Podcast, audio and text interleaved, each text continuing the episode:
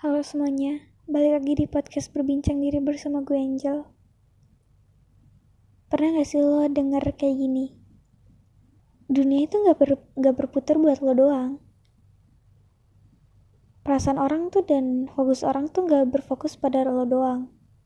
Mungkin lo pernah denger statement kayak gitu. Dan gue mencoba untuk, apa ya, pengen sharing aja sih tentang apa yang sedang gue rasa dan yang gue pikirkan akhir-akhir ini. Kita pasti kan punya rasa punya empati punya emosi punya segala macem. Kadang kita emang pengen banget ngertiin dan kita juga kadang juga sering mengertikan orang. Pernah gak sih lo kayak ngerasa kayak gini? Gue tuh udah ngertiin dia tapi kenapa dia nggak ngertiin gue kenapa? Dan kenapa? Kenapa? Dan pertanyaan kenapa itu bakal terus berputar di otak kita. Dan kadang emang ada yang namanya hak dan kewajiban. Ya kan? Ketika kita memenuhi kewajiban kita bisa mendapatkan hak. Kadang uh, kita juga bisa mendapatkan hak setelah kita menjalankan kewajiban. Kayak gitu. Dan gue juga pengen bilang kayak gini loh. Kalau misalnya kita dapat respon yang harusnya kita inginkan begini tapi dapat responnya begitu yang bisa kita lakuin adalah bagaimana kita yang apanya ya yang kewajiban kita yang kita lakukan terus kita penuhi dulu. Misalnya kita pengen orang ngedengerin kita dan kita ngedengerin mereka.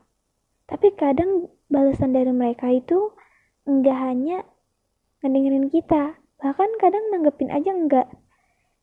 Dari sini kita harus belajar bagaimana cara kita ikhlas dalam menjalankan sesuatu hal itu. Mungkin gini, gue juga pernah ngalami hal kayak gitu dan gue merasa kayak nggak semua perasaan dan impian tuh harus lo dapatkan semuanya gitu. Perhatian dan segala macem dari orang lain. Karena kita nggak bisa nuntut orang lain buat memahami kita. Karena orang lain nggak mungkin paham akan diri kita seutuhnya. Yang paham dan ngerti apa maunya kita terus mau seperti apa kita ya cuma diri kita sendiri tanpa sadar kita sering ngasih ekspektasi ke orang lain buat ngelakuin apa yang pengen harusnya mereka lakuin dari sudut pandang kita. Misalnya gue tuh kalau lagi marah pengennya ya di di ngertiin, pengennya diminta maaf duluan dan segala macem. Tapi oh, belum tentu orang lain menangkap respon tersebut. Bisa jadi orang lain malah berpikiran, oh orang ini lagi marah, jadi ya udah gue diemin aja dulu deh biar dia tenang dari sudut pandang orang tersebut. Dari situ aja kita udah bisa ngebahas dan bisa ngebandingin bahwa emang setiap sudut pandang dan reaksi orang terhadap suatu masalah dan konflik itu pasti akan ada bedanya dan kita juga nggak bisa harus menuntut orang untuk ngertiin kita selalu. Kadang kita juga harus bisa memahami suatu hasil dan keadaannya. Tanpa sadar, kita menjadi manusia yang egois karena kita selalu ingin dimengerti, dituruti. Tanpa sadar, orang lain juga ingin seperti itu. Ingin dimengerti, ingin dipahami. Sehingga ada ada apa ya kayak menurut gue tuh ada kayak ketidakcocokan gitu loh. Dan gak, dunia tuh gak hanya berfokus pada lo doang. Pikiran manusia lain tuh gak cuman cuman lo buat lo doang. Mereka juga punya kehidupan yang harus mereka urus, harus mereka pikirkan. Jadi daripada kita memikirkan dan memusingkan hal-hal yang emang bukan kontrol dan batasannya kita, mengapa tidak kita fokuskan kepada diri kita sendiri?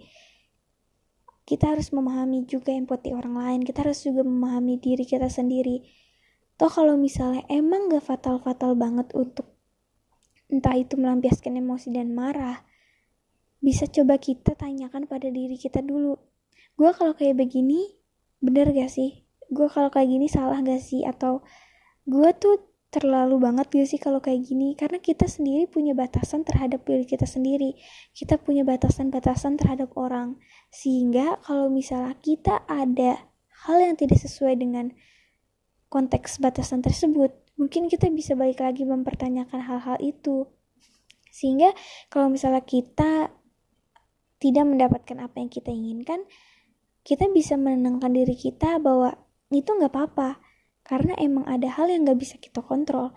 Dan bagaimana cara kita mengcoping eh, hal-hal negatif tadi untuk bisa jadi lebih baik ke depannya.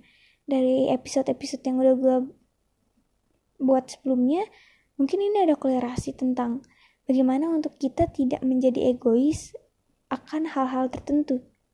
Menjadi egois untuk hal-hal tertentu juga itu boleh apalagi terutama untuk diri kita sendiri yang notabene itu tuh emang emang harus bukan yang karena kita ini uh, tidak manusiawi terhadap manusia lain tidak.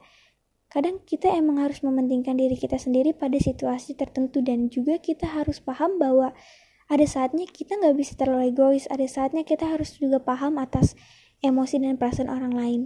Kita hidup di dunia ini tuh bagi macam manusia bagi macam macam bentuk emosi perasaan dan kepribadian yang gak bisa kita sama ratakan tentang diri kita diri orang lain. Pernah dengar gak sih katanya kayak gini? Kita tuh harus memperlakukan orang bagaimana kita ingin diperlakukan. Dan menurut gue itu tuh kayak satu hal yang patut dipertanyakan. Ketika misalnya kita nyaman kalau misalnya kita diperlakukan uh, kayak disuguhin uh, apa ya disuguhin kayak kesenangan candaan gitu. Tapi kalau misalnya kita lakuin ke orang yang emang notabene dia serius dan rada kaku mungkin aja orang itu nggak seneng kan? Jadi sama kayak bagaimana kita memperlakukan orang itu bagaimana orang itu mau diperlakukan. Nah gimana caranya kita coba untuk apa ya untuk memahami juga situasi dan kondisi. Sehingga ketika kita berhadapan dengan orang yang berbagai macam jadi kita kayak sadar gitu oh gue harus begini oh gue harus begitu.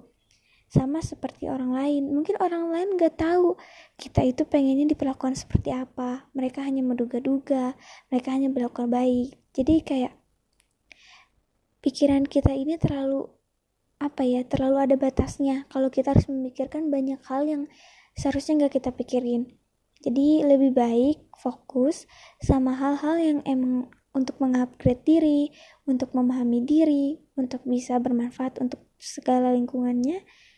Dan satu poin penting adalah egois boleh untuk situasi tertentu yang emang baik buat diri dan harus tahu bagaimana caranya juga membagi apa ya manajemen perasaan kalau misal kita juga harus peduli terhadap lingkungan dan orang-orang sekitar kita jangan lupa untuk selalu kayak memberikan apa ya kebaikan entah itu dari hal kecil atau hal besar sekalipun yang menurut kita nggak berguna mungkin bagi orang lain berguna. Ya mungkin segitu aja